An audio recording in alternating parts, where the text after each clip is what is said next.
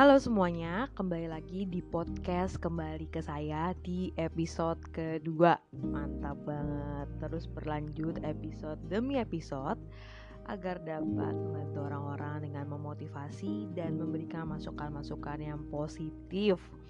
Asli gue semakin semangat dengan ide-ide yang ada di otak gue Untuk gue curahkan, anjay curahkan gak tuh? Dalam podcast ini ya yang belum banyak didengar orang, tapi semoga saja semakin bertambahnya episode, semakin banyak pendengar yang mau mendengarkan podcast kembali ke saya. Mari kita aminkan. Amin. Oke, okay, di episode kedua kali ini temanya cukup menarik yaitu Dare to Speak. Dan tema kali ini diberikan oleh bestie gue, tapi tetap idenya dari gue. Jadi thanks to my bestie Marta karena temanya mantap banget. Oke lanjut aja nih. Kenapa sih gue menamai temanya Dare to Speak? Karena di episode kali ini Gue pengen orang-orang berani untuk berbicara dalam bahasa Inggris. Jadi di episode kali ini Dare to Speak in English. Buat yang bertanya-tanya Kenapa harus dare to speak in English? Karena even we're not fluent in English, at least we try our best to improve our English skill. Aduh mantap banget bahasa Inggris gue ancur ancur. Oke oke jadi gini, gue sering kali membaca komen-komen di platform-platform yang ada seperti TikTok, Twitter dan masih banyak lainnya. Dan jujur gue melihat itu terkadang merasa sedih karena benar-benar komen-komenan dari orang kita, maksudnya dari orang Indonesia sendiri itu menyakitkan seperti gak usah so Inggris deh lo. Lo kira grammar lo bagus? Orang Indo kan? Ngomongnya Indo aja anjir. Dan masih banyak lagi deh yang menurut gue annoying dan menyakitkan. Dan komenan-komenan seperti itu bikin orang lain jadi nggak mau belajar bahasa Inggris lagi. Dan bikin orang-orang kehilangan keberanian untuk belajar bahasa Inggris komenan-komenan kayak kayak gitu ya jujur bikin mental orang-orang anjlok asli. Karena jujur gue pernah dan sering banget dapat komenan-komenan seperti itu. Apalagi gue lulusan sastra Inggris. Apa nggak makin dihujat gue? Pasti banyak banget komenan-komenan tentang bahasa Inggris gue. Sering banget gue disuruh kayak talk in English dong terus tiba-tiba pas tahu ada salah satu grammar gue atau salah satu vocab gue yang salah gila nyalah nyalahin gue kayak ngoreksi gue ngalah ngalahin dosen gue parah. Dan gue sering banget nih dapat komenan-komenan kayak sia-sia banget lo 4 tahun kuliah di sastra Inggris tapi Inggrisnya masih nggak fasih. Gue bener-bener gak paham sih. Dikira kuliah 4 tahun di sastra Inggris tuh belajarnya grammar sama vocab doang Enggak woi.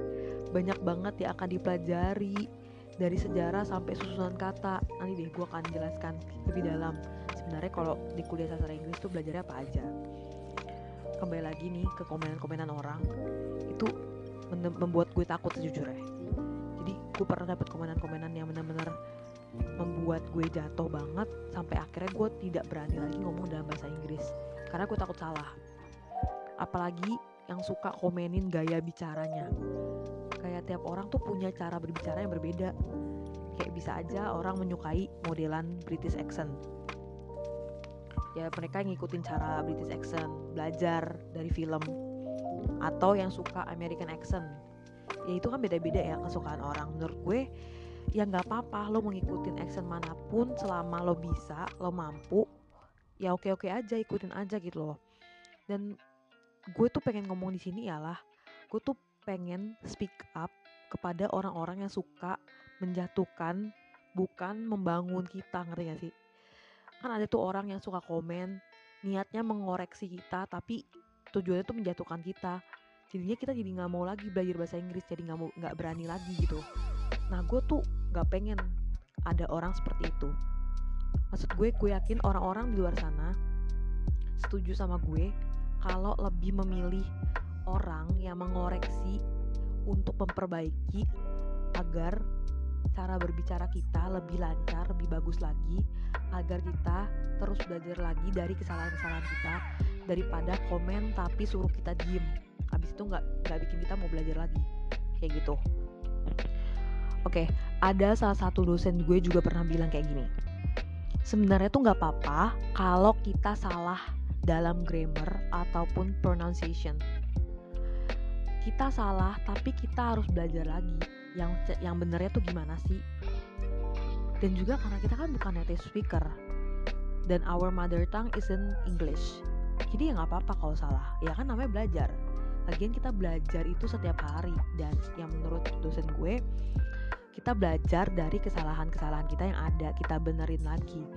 Jadi jangan takut salah dan jangan takut untuk terus berbicara dalam bahasa Inggris. Itu kan ngelatih kita juga ngelatih daya ingat kita juga. Dan dia bilang kita hidup itu untuk terus belajar. Jadi nikmati aja prosesnya. Ancur banget ya dosen gue kalau ngasih apa advice motivasi ini. Bener banget sih asli. Ini yang masih gue ingat sampai sekarang. Bener-bener apa ya nempel banget di otak gue. Maksudnya tuh ya dosen gue yang Inggrisnya udah parah banget udah keren banget aja ngomongnya masih begitu gitu loh. Maksudnya dia berusaha untuk memotivasi gue dan bilang ya nggak apa-apa salah. Tapi orang-orang tuh kayak yang sok banget tahu Inggris mengomenin kita tapi jatuhnya menjatuhkan bukan komen untuk membangun. Itu parah banget sih. Itu bener-bener jujur gue jengkel banget asli. Tapi jujur dengan komenan-komenan orang seperti itu hari demi hari gue belajar untuk terus belajar bahasa Inggris. Dalam artian gue nggak memikirkan komenan-komenan orang-orang tapi gue mulai belajar perlahan-lahan dengan kesalahan-kesalahan gue gitu loh. Contohnya nih gue juga sempat ngajar les juga nih. Ngajar les untuk anak SD les Inggris. Di situ gue belajar banget belajar bener-bener dari dasar. Dan wah asli itu menurut gue membantu gue banget untuk mengingat lagi. Tapi kalau kalian yang memang aku ah, kan baru belajar gue baru belajar nih bahasa Inggris gue bingung harus gimana tetap dilanjutin aja ya. Jadi jangan gue nggak tahu mau belajar dari mana gue bingung. Aduh jangan kayak gitu belajar bahasa Inggris tuh bisa di mana aja platformnya banyak. Jangan takut ngerasa gagal atau susah atau ngerasa nggak bakal bisa. Ya namanya belajar itu nggak ada kata terlambat asal ada niat. Kalau kita niat udah terus belajar terus improve lagi Inggris kita jadi bakalan bagus nantinya. Pokoknya inget jangan takut gagal dan jangan gampang hancur sama omongan orang lain. Jadi tembok kepercayaan diri kita nih harus ditebelin terus ditebelin terus. Karena emang namanya belajar gak apa-apa salah. Intinya seperti itu. Pasti awal-awalnya tuh kalau baru belajar tuh pasti nggak berani jujur nggak berani. Nggak berani ngomong nyebutin satu kata tuh kadang takut pronunciationnya salah takut belibet. Kayak tadi gue bilang kita bakalan apa ya bingung. Takut nggak bisa lah apalah. Tapi selama kalian tahu pola kalimatnya dan kalian tahu vocabnya yang simple ada di otak kalian itu kalian coba deh rangkai kata-katanya secara perlahan-lahan. Jadi nggak perlu buru-buru tuh ngomong bahasa Inggris. Karena kan ya masih belajar nggak apa-apa tuh kalau ngomongnya terbata-bata. Terus jangan takut juga diketawain. Kan suka ada tuh yang ngetawain kita karena ngomongnya terbata-bata masih bingung a a -e. aduh orang-orang kayak gitu tuh yang ngetawain kita tuh bodoh karena kita sendiri nggak tahu mereka paham atau enggak mereka ngerti atau enggak tapi mereka ngetawain kita lagi pula kalau mereka jago bahasa Inggrisnya tapi ngetawain kita tetap aja mereka bodoh. Karena apa? Mereka tidak mau berbagi ilmu dengan kita. Orang pinter, tapi kalau pelit gak mau berbagi, itu kepinterannya gak akan berkembang di situ-situ aja.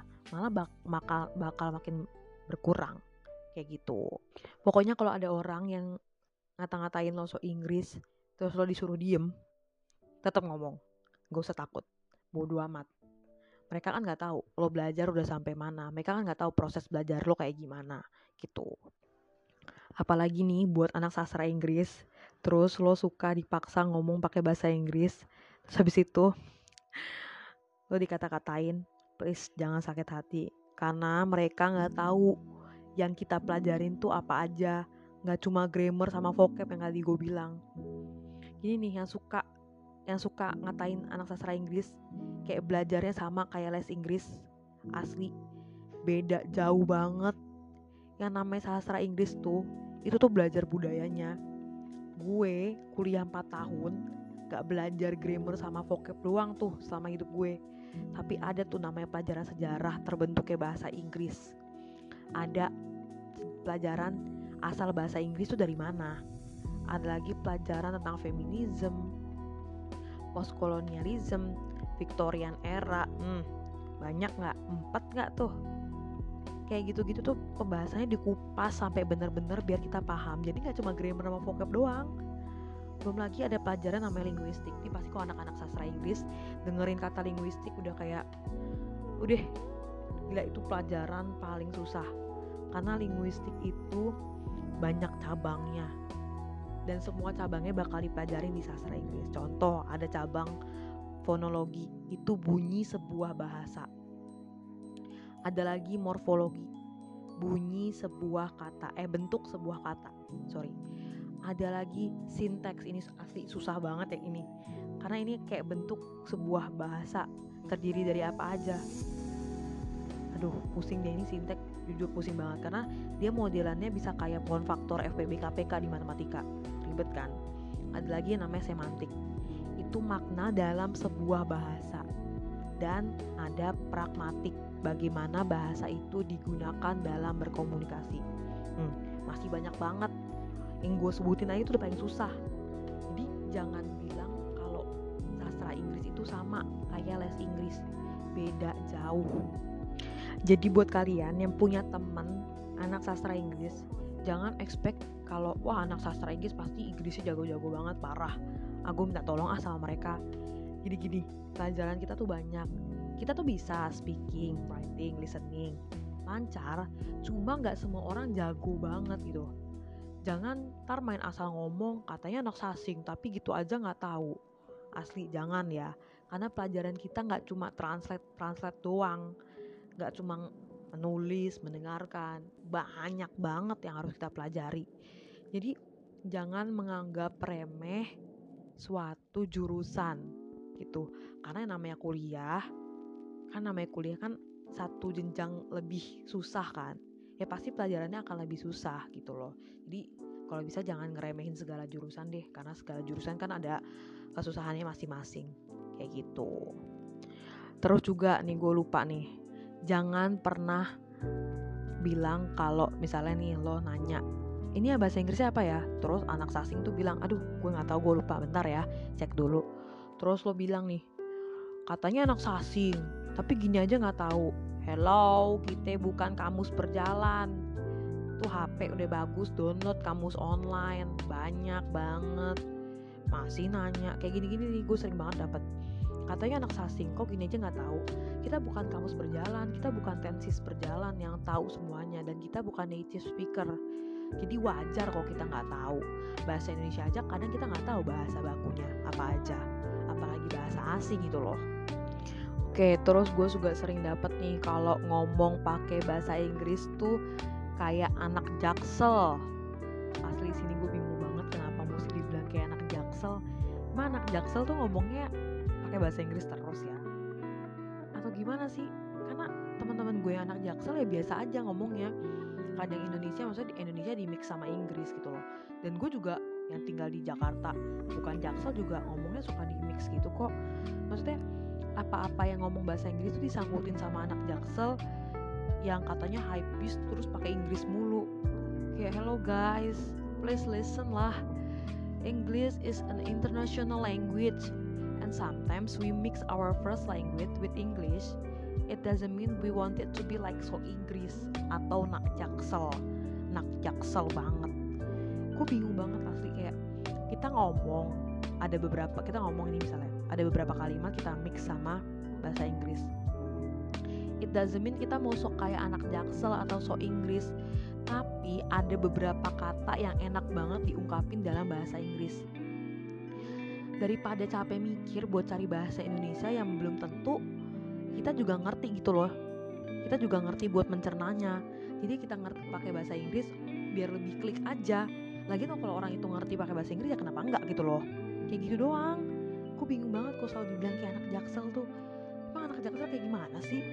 Kayak menurut gue semua orang bisa berbahasa Inggris dan bebas berbahasa Inggris di mana saja gak perlu anak jaksel yang so Inggris. Asli kan lo kok ngamuk? Jadi ingat English is a universal language. Bahasa Inggris tuh bahasa yang umum. And we can use English wherever and whenever we are. Jadi bebas lah kita mau ngomong bahasa Inggris di mana mau kapan mau dicampur-campur kayak bahasa Indonesia. Selama orang tuh ngerti orang tuh paham itu jangan apa-apa disebut kayak sok jaksel lah sok jaksel lah ini lolo yang denger yang suka ngomongin kayak sok jak sok jaksel. Mending belajar bahasa Inggris aja. Gak usah ngatain orang sok jaksel oke? Okay? karena yang kayak gitu-gitu tuh menghambat orang tahu jujur menghambat orang untuk ngomong untuk berani. Jadi orang tuh kayak ah, apa bener gue kayak orang anak jaksel? Padahal mah anak jaksel nggak gitu-gitu juga. Tapi emang sih yang menghambat kita untuk berkembang itu ialah omongan orang lain yang menjatuhkan. Terus kita pikirin kita cerna tuh omongan orang lain jadi bikin kita overthinking. Jadi kita ngedown terus. Asli jadi bikin kita takut terus. Jadi kita nggak berani untuk mencoba walaupun salah. Nih ya gue ada beberapa kawan yang dari uh, luar negeri dia bule yang mereka nggak pernah permasalahin kalau grammar gue salah atau pronunciation gue salah. Karena mereka tahu di beberapa negara bahasa Inggris itu bukan sebagai mother tongue atau second language. Kebanyakan sebagai foreign language. Kayak contoh di Indonesia nih, bahasa Inggris itu kebanyakan sebagai foreign language, bahasa asing yang dipelajari di sekolah-sekolah. Jadi mereka paham kalau bahasa Inggris kita itu nggak lancar, nggak bagus, dan mereka nggak pernah tuh ngejelekin karena mereka tahu kita bukan native speaker. Jadi mereka memaklumi kalau memang masih ada kesalahan kita dalam berbicara bahasa Inggris.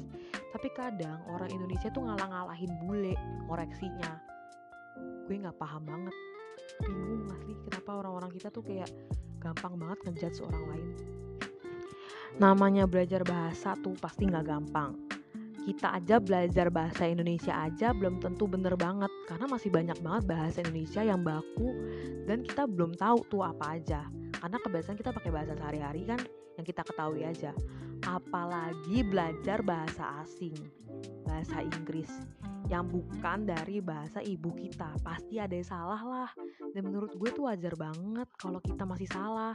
Asalkan terus mau belajar, terus mau memperbaiki kesalahan-kesalahan itu. Gitu aja loh. Emang susah sih kalau ngedengerin orang terus yang ngejelek-jelekin kita. Cuma kalau kita terus mikirin kata-kata orang, gak bakal habis. Malah kita malah gak berkembang. Malah kita malah nanti mikirnya, udahlah gue gak usah belajar bahasa Inggris lagi, gue takut orang-orang ngatain gue. Ya jangan. Bahasa Inggris tuh sekarang diperlukan banget loh untuk kegiatan interview dan kegiatan-kegiatan lainnya. Jadi terus belajar aja, nggak apa-apa orang mau ngatain apa jangan dipikirin.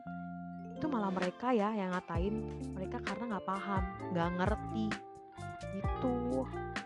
Jadi jangan sampai kita stop untuk belajar bahasa Inggris karena omongan orang lain. Nih gue ingatkan lagi.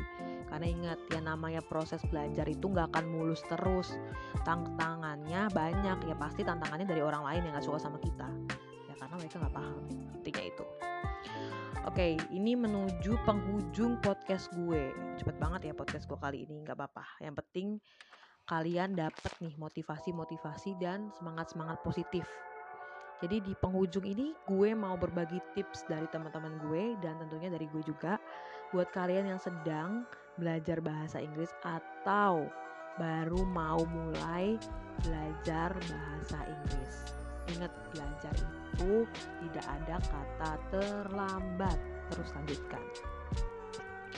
Oke ini beberapa tips dari gue sama teman-teman gue yaitu yang pertama gue selalu menonton film atau drakor ya itu subtitlenya English. Ini salah satu andalan gue sih. Karena kalau misalnya ada salah satu kata yang gue nggak pahami gue langsung pause terus gue cari di kamus online. Nah ini nih jangan lupa download kamus online di HP kalian. Gue saranin jangan menggunakan Google Translate mending lu download kamus online di HP kalian. Nah, yang biasa gue pakai itu adalah U Dictionary. Ini pasti banyak orang udah tahu banget. Karena U Dictionary ini bagus, ratingnya juga tinggi karena dia fiturnya tuh banyak banget dari fitur ngebenerin grammar, fitur translate yang bener, dan dia juga selalu kasih pelajaran-pelajaran setiap harinya. Jadi dibiasakan nonton di Netflix atau di website apa pun subtitlenya pakai bahasa Inggris. Atau yang suka baca komik online cari subtitlenya di Inggris karena gue termasuk suka baca uh, komik online ya. Jadi gue selalu pakai gue selalu cari sorry gue selalu cari subtitlenya Inggris. Sekalian gue cek tuh di kamus di kamus online gimana cara pengucapannya atau artinya apa. Jadi gue bisa paham dari segi arti kata itu dan segi pengucapannya gitu. Kemudian yang kedua, kalian bisa banget nih belajar dari lagu. Nah ini gue juga sering sih dengerin lagu sambil baca liriknya. Ini gue sering banget di YouTube sih. Itu boleh banget sih. Ini bagus juga sih. Jadi buat kalian yang suka denger lagu-lagu uh, luar negeri, lagu-lagu barat, luar negeri atau lagu-lagu barat, kayak lagunya Ed Sheeran, Ariana Grande, dan lain-lain itu cari yang ada liriknya juga di YouTube kan banyak tuh yang pakai lirik. Nah dari situ tuh kalian bisa pahamin sambil buka kamus tadi itu kamus online tadi itu. Jadi biar kalian paham arti liriknya apa sih, terus ada kata-kata yang baku tuh kalian pelajari juga. Biasanya sih gue seperti itu, gue sering banget dan gue biasanya sering tuh di lagu-lagu Korea, K-pop karena di lagu-lagu K-pop kan gue gak ngerti tuh Hangul. Nah biasanya tuh ada liriknya dalam bahasa Inggris. Tuh biasanya gue uh, lihat liriknya dalam bahasa Inggris arti liriknya dalam bahasa Inggris kemudian gue cari tuh biasanya ini kata ini maksudnya apa ya? Jadi biar gue tahu itu maksud lirik itu tuh apa maksud lagu itu tuh apa. Biasanya gue tuh seperti itu. Dan menurut gue itu menambah daya ingat gue untuk uh, perbanyak kata gitu. Terus juga nih ini kayaknya yang terakhir sih biasanya gue latihan ngobrol atau chattingan sama temen gue pakai bahasa Inggris. Nah ini nih buat kalian yang punya temen yang emang bisa bahasa Inggris lancar, mending kalian coba deh. Eh chat eh chat yuk, chat pakai bahasa Inggris yuk. Nanti sekalian deh lo ngebenerin kalau ada gue salah-salah di grammar atau di vocabnya. Ini bagus banget nih. Jadi kalian bisa perbaiki dengan kamus online tadi terus dapat feedback juga dari teman-teman kalian. Karena dulu gue sering banget tuh karena teman-teman gue kan banyak yang anak sastra Inggris juga di kelas kan. Nah gue sering tuh kayak chatting sama mereka tiap harinya pakai bahasa Inggris. Jadi biar gue latihan juga gitu.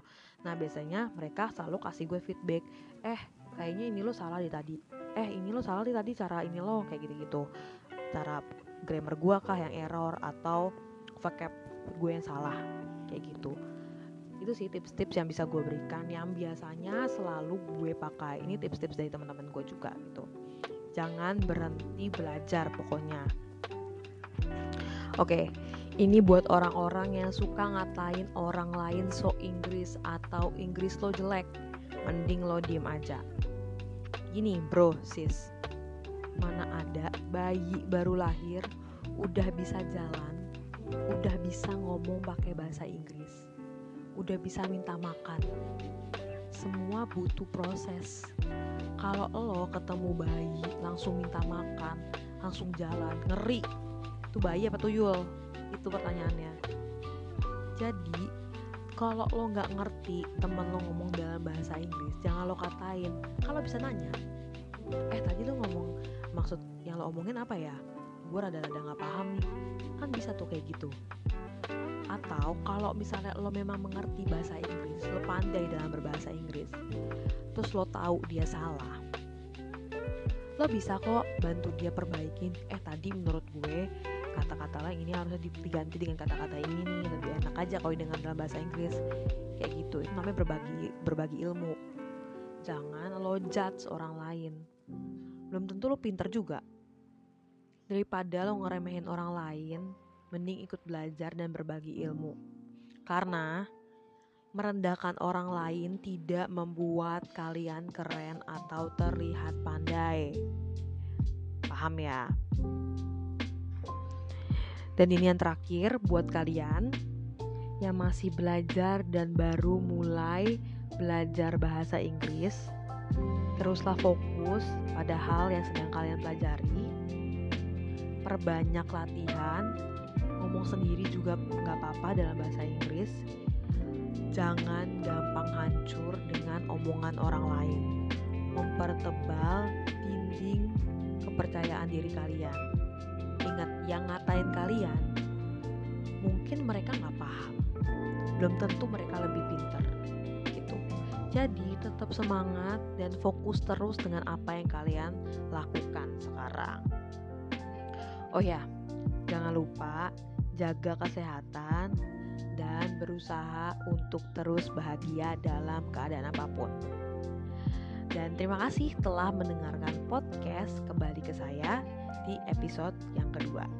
Sampai ketemu di episode ketiga. Bye.